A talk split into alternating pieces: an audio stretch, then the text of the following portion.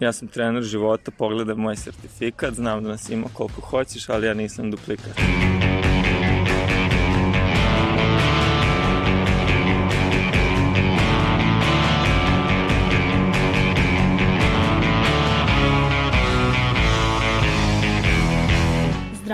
Slušate podcast Reagu i nezavisnog društva novinara Vojvodine. Moje ime je Iva Gajić, a na ove emisije radili su i Sanja Đorđević, Irena Čučković, Sanja Kosović i Nemanja Stevanović. U 63. epizodi podcasta Reaguj govorimo o industriji samopoboljšanja, brojnim knjigama za samopomoć i seansama life coacheva. Šta je life coaching uopšte? I da li je ono samo prodavanje magle? Zašto opis tog posla često liči na psihoterapiju i zbog čega je ne može zameniti? Između ostalog, pričamo i o tome otkud tolika potreba za samopoboljšanjem u prethodnim godinama i koji su adekvatni načini da se suočavamo sa nametnutim osjećajem da nismo dovoljno dobri, o čemu smo delom pričali i u prethodnoj epizodi podcasta Reaguj pod nazivom Bez filtera. Ali vratimo se na temu life coachinga. Za početak, Sanja, kaži nam zašto je pevač benda Nemi Pesnik uopšte naš sagovornik u ovoj epizodi? Indie grupa Nemi Pesnik nedavno je objavila pesmu koja nosi naziv Trener života, koja se odlično uklapa u tematiku naše epizode. Pevač ovog benda Milan Marković objašnjava odakle mu inspiracija. Inspirisalo nas da napišemo ovu pesmu jeste to što smo generalno razmišljali o mentalnom zdravlju jel da? i onda nam se kao jedno od rešenja na, nametnuli su nam se nekakvi life coachevi ili treneri života mi smo razmišljali pomalo o tom fenomenu, razmišljali sa dosta nekih naših prijatelja koji su psiholozi i odlučili smo da napišemo pesmu, jel da, koja je tako nekog satiričnog karaktera, što znači da se nama ideja o life coachovima ne dopada. Kao što i učitelji života i sami često naglašavaju, ne postoji zvanična institucionalna škola života. Tačno, uh, mi mislimo da oni to rade na pogrešan način i da rade to na, na neosnovan način, ta, tačnije da nemaju pokriće u svom znanju, znači da to nisu ljudi koji su završili neke institucije kao što su fakulteti psihologije, psihijatrije ili šta god, već da su dobili nekakav sertifikat koji da li su samo proklamovali ili se generalno ne bave mentalnim zdravljem na jedan nivo kako to rade neke ozbiljne države ili ozbiljne institucije, tako da mi mislimo da, to, da je to opasno. Da to može da pomogne nekome kratkoročno, ali da dugoročno to ostavlja neke veće posledice. A da li zaista rade nešto pogrešno ili su samo na lošem glasu? U ovoj epizodi upravo o tome pričamo. Irena, kaži nam kada uopšte nastao taj life coaching? International Coach Federation navodi Tomasa Leonarda, američkog finansijskog planera, kao osobu sa kojom počinje istorija life coachinga 80-ih. Leonard je primetio da su njegovi klijenti, iako su emocionalno stabilni i nije im potrebna terapija, od njega želeli više od uobičajenih saveta o tome kako uložiti i zaštititi svoje prihode. Želeli su pomoć u boljem organizovanju života i planiranju i postizanju ciljeva. Njegova knjiga The Portable Coach je kompilacija njegovog učenja. Leonardova karijera se postepeno prebacila sa finansijskog planiranja na stalno razvijanje tehnika koje su trebale postati njegova metodologija životnog treniranja. U to vreme to je nazvao planiranjem života, navodi sajt lifecoachprofessionally.com. Nakon 2000-ih life coaching je dostigao primetno veću popularnost, a za njegovu ekspanziju su svakako zaslužne i društvene mreže. International Coach Federation, koja je i najpriznatije telo za akreditaciju životnih trenera širom sveta, navodi da je 2018. godine u svetu bilo preko 50.000 životnih trenera, a postoje procen da ih ima i više od stotinu hiljada. Kako navodi Coaches Training blog, životni treneri nisu psiholozi, savetnici za mentalno zdravlje ili poslovni analitičari. Značajan izazov koji još uvek muči industriju je činjenica da ona ostaje neregulisano polje. U mnogim državama nisu uspostavljeni okviri za licenciranje, pa se često postavlja zabrinutost za odgovornost i kvalitet. I pored toga, life coaching je više od 10 uzastopnih godina druga najbrže rastuća industrija u svetu iza IT-a. Kada je reč o situaciji u Srbiji, portal Večernjih novosti u jednom tekstu iz 2018. godine navodi podatak da životni treneri svoje usluge naplaćuju i do 300 evra po satu, te da je u tom trenutku nekoliko stotina njih radilo zahvaljujući rupama u zakonu, pod šifrom pružanja usluga neformalne edukacije. Kao što je Irena napomenula, životni treneri nisu savjetnici za mentalno zdravlje. Međutim, deo njih se neretko reklamira kao osobe koje će vam pomoći da podignete samopouzdanje, da rešite probleme sa kojima se suočavate, i da vam pomognu generalno da svoj život živite potpunije i zadovoljnije. Na nekim portalima životni treneri su čak opisani kao polumentori, poluterapeuti. A da li mladi znaju šta rade life coachevi? Pitali smo devojke i momke na ulicama Jagodine da podele svoje mišljenje o ovoj profesiji. Mislim da je to totalna glupost, da su to smislili ljudi koji nisu znali šta drugo da rade i onda su se tako napravili pametni. Mislim da uništavaju život drugim ljudima zato što u suštini nemaju pojma i to je neki novi posao tako smišljen za ljude koji ne znaju šta će drugo da rade i onda prosipaju maglu drugim ljudima. Ja ne znam šta je to. A, pa generalno e, nemam tačnu predstavu šta rade life coachevi zato što se nisam toliko interesovao za to, ali generalno mislim da možda i mogu čak da pomogu ljudima koji su jako depresivni tako što ih savetuju kako da se ponašaju u raznoraznim situacijama ili manje socijalnim ljudima e, mislim da okolina jako osuđuje tu osobu koja ide kod psihoterapeuta, tako da ovo life coach, zato što je strana reč da nije toliko strašno jer ljudi generalno ne znaju čime se bavi zapravo life coach. E, možda nekom stvarno to može da pomogne. E, ja sam nekako sama naučila sebi da, sebe da bodrim i da ovaj, pokažem kako sebi mogu da izvučem iz neke situacije i više verujem, na primjer, u neki dobar razgovor sa psihologom nego sa life coachom. To su ljudi koji nemaju ništa rade u životu i onda se bave, jel treba neko da uzmu pare, kako? Tako što će nešto da im pričaju, što nema veze s mozgom, ali pričaju. Skontala sam da kako idem starija mi prijaju te neke motivacijane poruke i volim da ih čitam, ali kad su u pitanju life coachevi i prodavanje tih motivacionih poruka za pare, mislim da bih radije izdvojila taj novac za kvalitetnog psihoterapeuta nego za prodavanje magle. Kako se life coaching često meša sa psihoterapijom, pitali smo psihoterapeuta Stefana Mitrovića Jokanovića da zareaguje i objasni šta klijenti mogu da očekuju od dolazaka na psihoterapiju. Terapija je generalno namenjena svim ljudima koji onako žele da budu malo introspektivni, malo da više upoznaju sebe kao, kao ljudsko biće, kao osobu koja funkcioniše u ovom realnom svetu. Ovo, ovaj, tako da u tom smislu ne imamo ograničenja ne mogu da kažem baš da je terapija za svakog, jer nismo svi spremni na introspekciju, ali ono što mogu definitivno da kažem da jeste, jeste da terapija nije samo za ljude koji imaju probleme.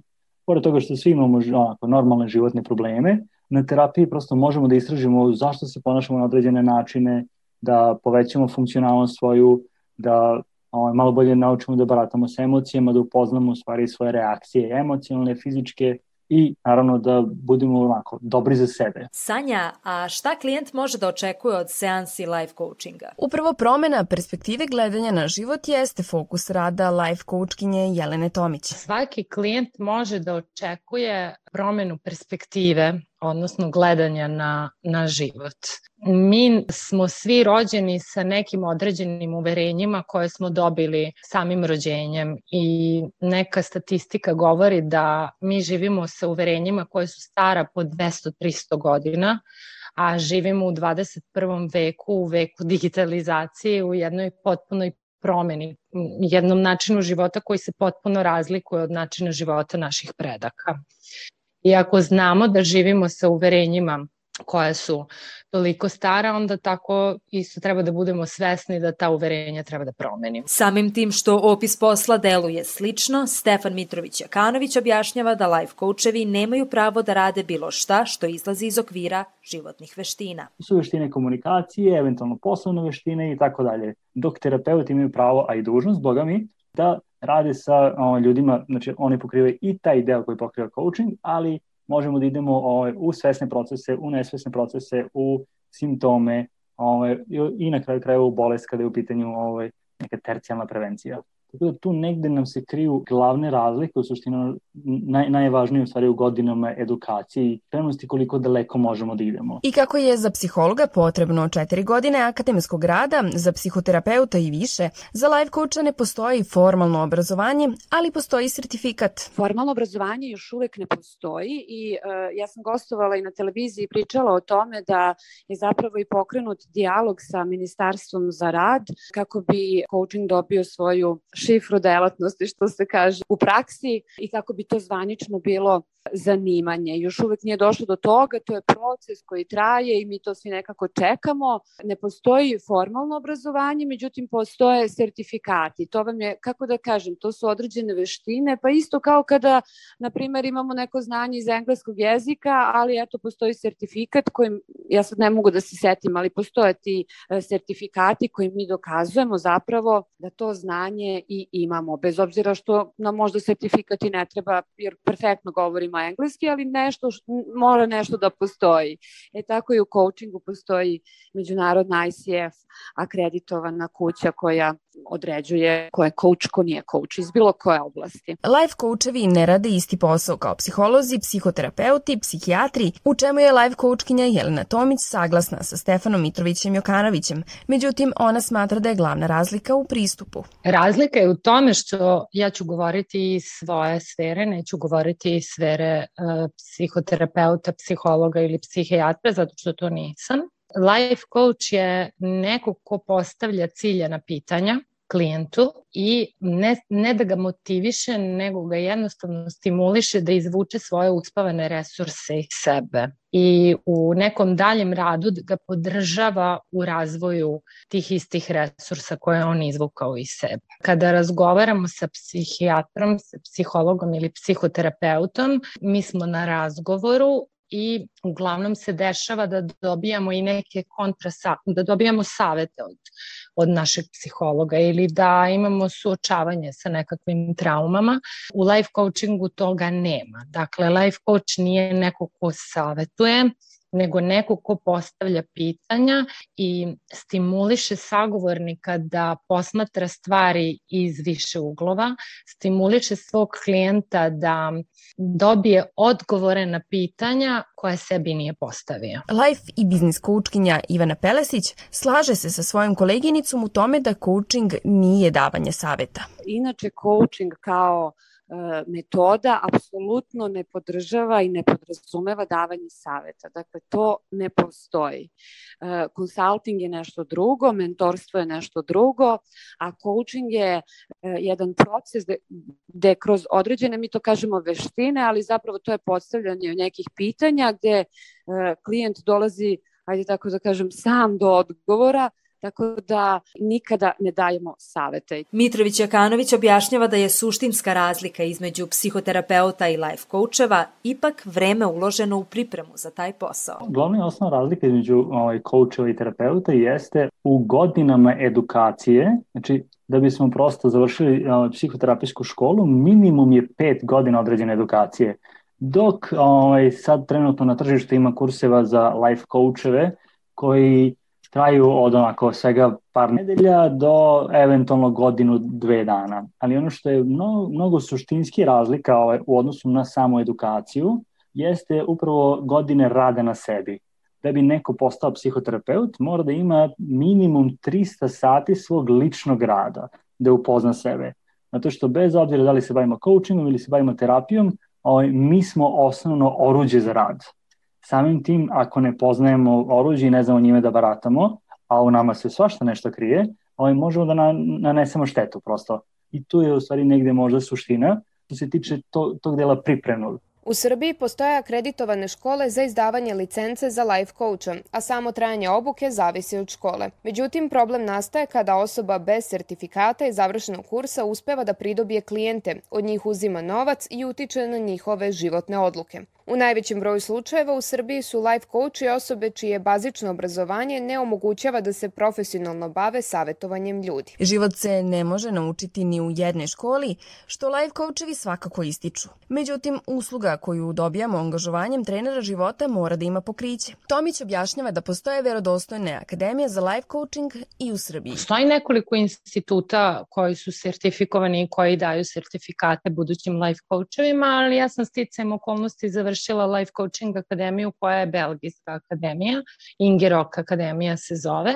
Sticajem okolnosti su imali jedno aj tako kažemo, odeljenje u Srbiji, neki deo smo imali u Antwerpenu u, u Belgiji, a neki deo je bio, edukacije je bio u Srbiji. Tako da svaki life coach bi trebao da bude sertifikovan od verodostojne institucije koje postoje sada i u Srbiji. Jeste da je life coaching mlada delatnost, ali sada već postoje ozbiljni i odlični instituti u Srbiji gde ljudi mogu da se sertifikuju i odnosno da završe naravno prvo akademiju, a potom da se sertifikuju. Psihoterapeut Mitrović Jokanović kaže da je danas ogroman problem u Srbiji svakako neuređenost struke, te da ni sama psihoterapija nije uređena koliko bi trebala da bude. On napominje da zbog toga postoji mnogo prostora za manipulaciju i obmanu. Postoji nacrt zakona o psihoterapiji koji još uvijek nije usvojen kao zakon o psihoterapiji. Psihoterapija postoji kao profesija, ali ne i kao zanimanje još uvek i samim tim posto postoji mnogo prostora za manipulaciju i obmanu zato što nema dovoljno adekvatne kontrole. Kontrolu uglavnom vrše edukatori kroz samu edukaciju i superviziju ovaj, terapeuta, dok je u coachingu to još dalje od nas. Terapija postoji recimo 20 godina na ovim prostorima, in, intenzivno coaching postoji svega možda dve godine. Tako da definitivno ovaj, je prostor za manipulaciju još mnogo veći. Ako uzmemo u obzir da smo imali, nedavno se po medijima provlačio ovaj čovek koji radi estetsku hirurgiju, a ne znam šta je automehaničar otprilike po zanimanju, ovaj, a tu, nam je, tu, tu, nam, tu su nam intervencije onako fizičke i očigledne, onda možemo da zamislimo koliko prostora u stvari ima za onako nezgodne situacije po, po, ovim, po ovim profesijama koje su tako, mek, koje se tiču mekih veština. Isto tako, treniranje života bez valjane edukacije takođe može da bude opasno. Life coachkinja Tomić saglasna je sa Stefanom Mitrovićem Jokanovićem, te smatra da je u našoj zemlji sve dozvoljeno. Imamo sada na tržištu i plastične hirurge koji nisu završili medicinske škole i nisu se usmeravali, nisu specijalizovali uopšte to čime se bave.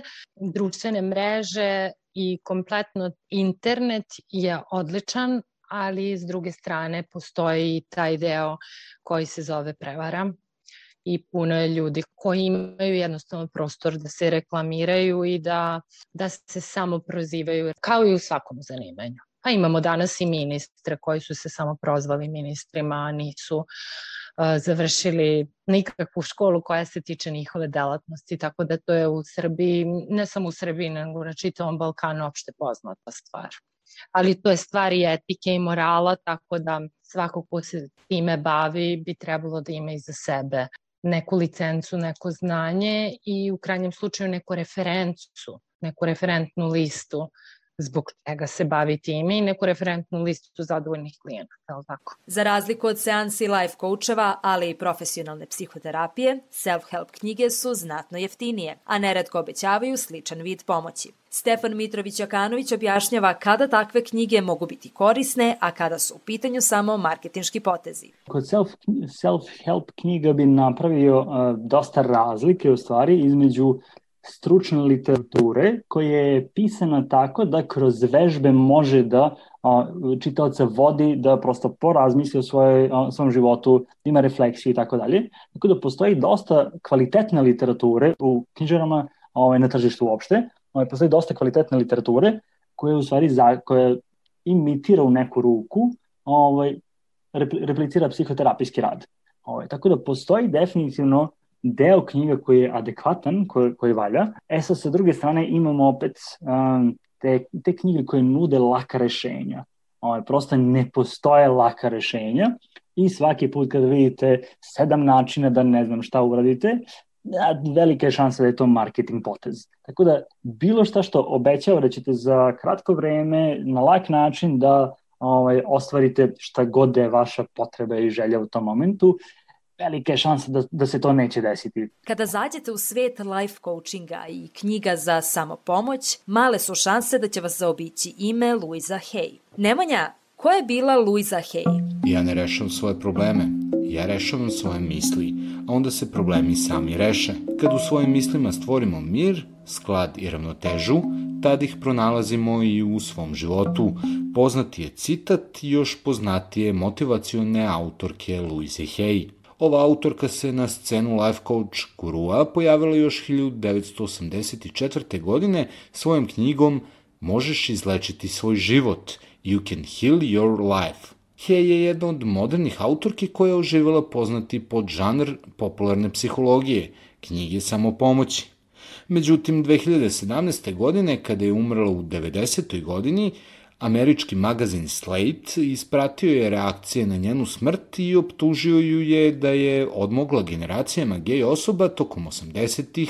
i 90. godina prošlog veka. Naime, Hej je zastupala tezu da se svaki problem može prebroditi i pobediti tako što se misli pozitivno.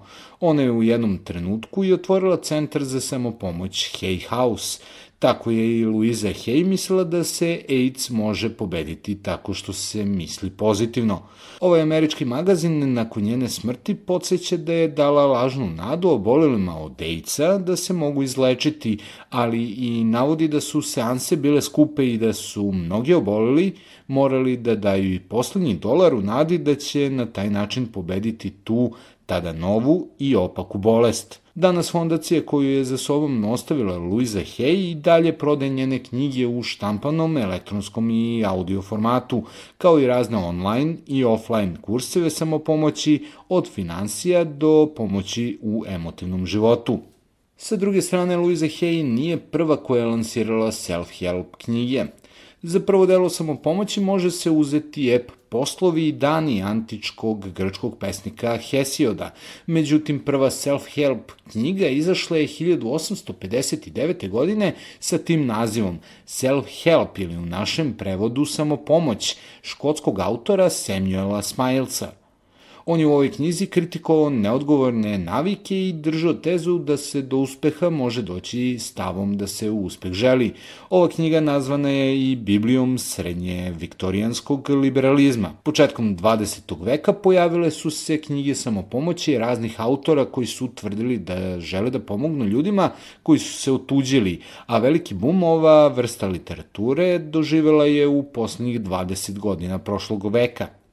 Prema istraživanju sociološkinje kulture sa Oksforda Miki McGee, na početku 21. veka industrija samopomoći koja pored knjiga nudi i audio knjige, videe i seanse, vredela je čak 2,8 milijarde dolara samo u Americi. Istraživanja na početku druge decenije 21. veka pokazale su da je ova industrija porasla i da na godišnjem nivou vredi čak i do 12 milijardi dolara. Pozitivne misli dovode do boljeg života. Takve citate je moguće pronaći unutar brojnih self-help knjiga. Stefan kaže da ljudi jednostavno nisu biološki predodređeni da budu konstantno srećni i pozitivni. Dosta taj new age talas ovaj, okrenut tome da samo mislimo pozitivno i kakve su ti misli, takav ti život. Da, to je samo jedan segment istine. Istine je prosto ono što je zanimljivo jeste da će ljudi naći veći smisao ovaj, u patnji nego, nego, nego što će naći u prijatnosti. Prijatnost treba da bude onako, nagrada na kraju nekog, nekog rada, nekog procesa, ovaj, da nas organizam prosto nagradi jer nismo biološki napravljeni za, za konstantnu ovaj, prijatnost. A kada pozitivnost prerasta u nešto nezdravo? Naš sagovornik Stefan objašnjava šta je to toksična pozitivnost. I te kako postoji toksična pozitivnost?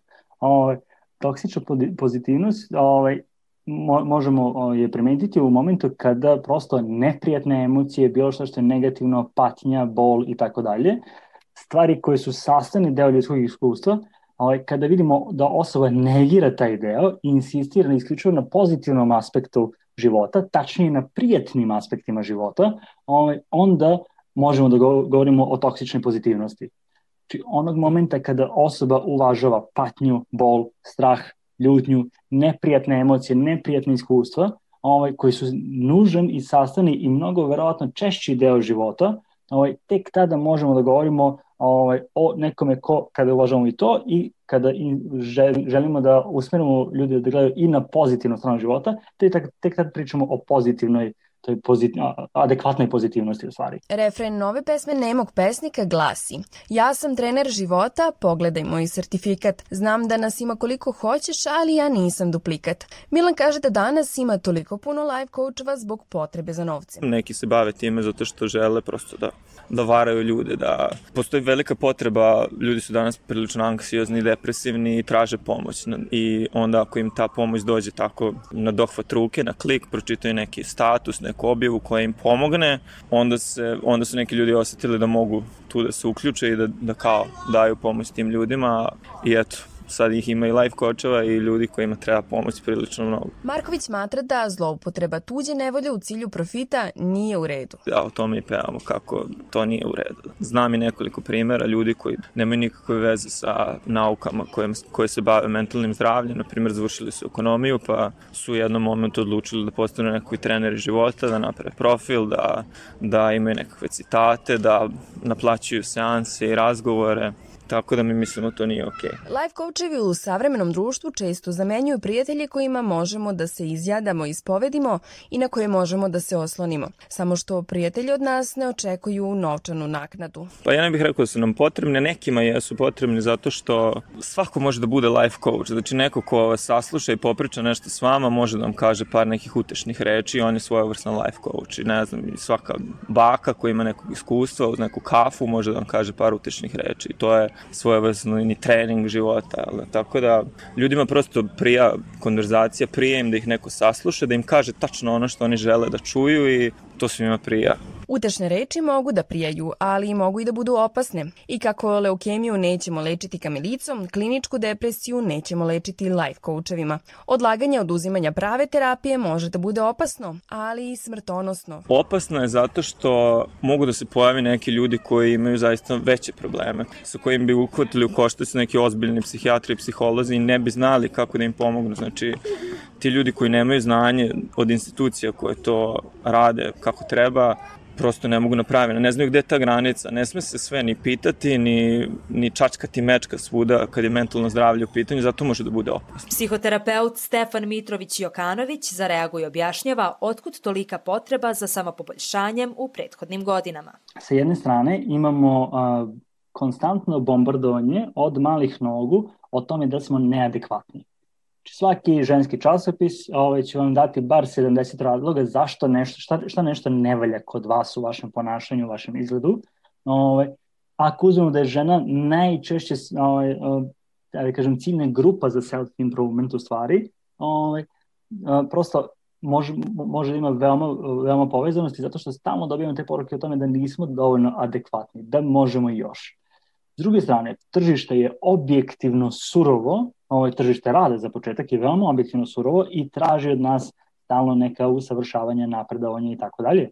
Ovo, to je, to je onako definitivno jedan deo kolača ovo, na, koji, na koji prosto moramo da se usmerimo. On kaže da se život savremenog čoveka drastično promenio u odnosu na prethodne generacije. Postoji drugi deo koji kaže da se život drastično zakomplikovao u odnosu na prethodnih 50 godina i prosto da bismo uopšte preživeli a, i da bismo adekvatno reagovali na, sad već mogu kažem, sulude situacije u koje, u koje dolazimo, a, ovaj, neophodno nam je ta neka rekalibracija.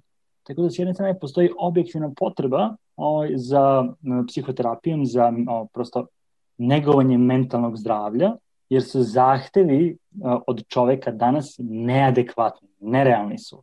O, tako da s jedne strane imamo taj deo gde prosto a, namenski se šalju takve poruke ovaj, kroz medije, kroz, ovaj, najviše kroz marketing u stvari, ovaj, da, da prosto dobijemo poruke da nismo adekvatni, samim tim se self-improvujemo od fizički, psihički i tako dalje. I imamo ovaj objektivni deo koji kaže zahtevi su nehumani, nerealni, i moramo da nađemo adekvatne načine da se prilagodimo. Sa druge strane, naša sagovornica Jelena Tomić smatra da su se ljudi više otvorili, pa je samim tim veća potreba za life coachovima.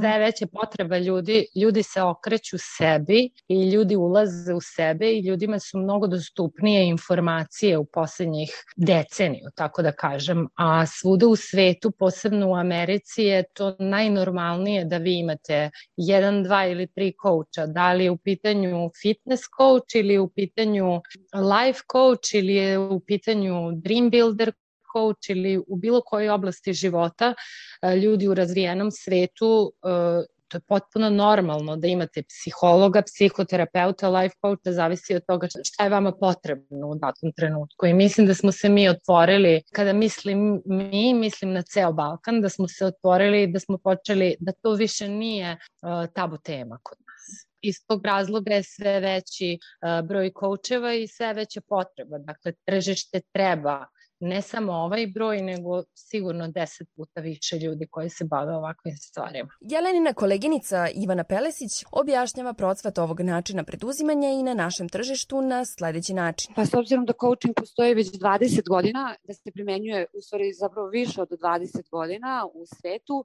ja mislim krajnje vreme bilo da se pojavi kod nas i prosto taj ulazak na naše tržište, pogotovo kada su države poput naše koje su u tranziciji, koje su prešle, te nekako imaju tu neku istoriju koju su prošle, onda to kod nas ide malo sporije, ali ja to uvek poredim i sa PR-om, kada se PR pojavio 65. godina na teritoriji Hrvatske, pojavio se prvo u gostiteljstvu, odnosno u hotelijerstvu i isto je bilo onako, kako da kažem, nismo znali šta je PR, odnosno nisu znali šta je PR, međutim evo sada imamo tu neku potvrdu koliko je zapravo su odnosi sa javnošću važni koliko su svuda prisutni. Isto tako i coaching, kako bih rekla, ako uzmete da pročitate Mark Twena ili ako malo više obratite pažnju na to što je Albert Einstein rekao ili koje se sve rečenice nalaze u Bibliji ili u nekoj drugoj religiji, to je sve nešto što je motivišuće i što nekako gura napred. E onda se to pretvorilo u, u jednu jedinku, ajde tako da kažemo, coaching i doživelo nekako ekspanziju s obzirom na to da je kapitalizam zavladao evo i kod nas i da prosto imamo potrebu za tim jer su se vremena nekako promenila, ali i ranije je bilo potrebe za tim, međutim sistem je potpuno drugačije funkcionisao, ali ti neki mudri ljudi su i tada isto primenjivali i te coaching veštine ili možda nešto što je nekada bilo preteča coachinga godine u godinu svakodnevni život se komplikuje, a samim tim dolazi do nastanka novih profesija, kao što je i life coaching. Naša prethodna epizoda govori o nametanju nerealnih standarda lepote preko društvenih mreža. Da li je life coaching jedno od potencijalnih rešenja ili pa možda odlazak kod psihoterapeuta? Šta vi mislite o trenerima života? Pišite nam u komentarima na Facebooku, Twitteru, Instagramu i TikToku. Ovim završavamo 63. epizodu podcast serijala Reaguj nezavisnog društva novinara Vojvodine u kojoj smo govorili o relativno mladoj profesiji life coachingu. Slušamo se ponovo uskoro, a do tada čekamo vaše predloge tema i to u Facebook grupi Podcast Reaguj i e-mail adresi podcast.ndnv.org. Naš rad možete pratiti na kanalima na iTunesu, Stitcheru, Castboxu, Sounderu, Spotifyu, Google podcastima, Deezeru, kao i na sajtu podcast.rs. Ukoliko želite da nas podržite, uradite to baš šerovanjem, komentarom, deljenjem svoje priče ili preko sajta donations.ndnv.org.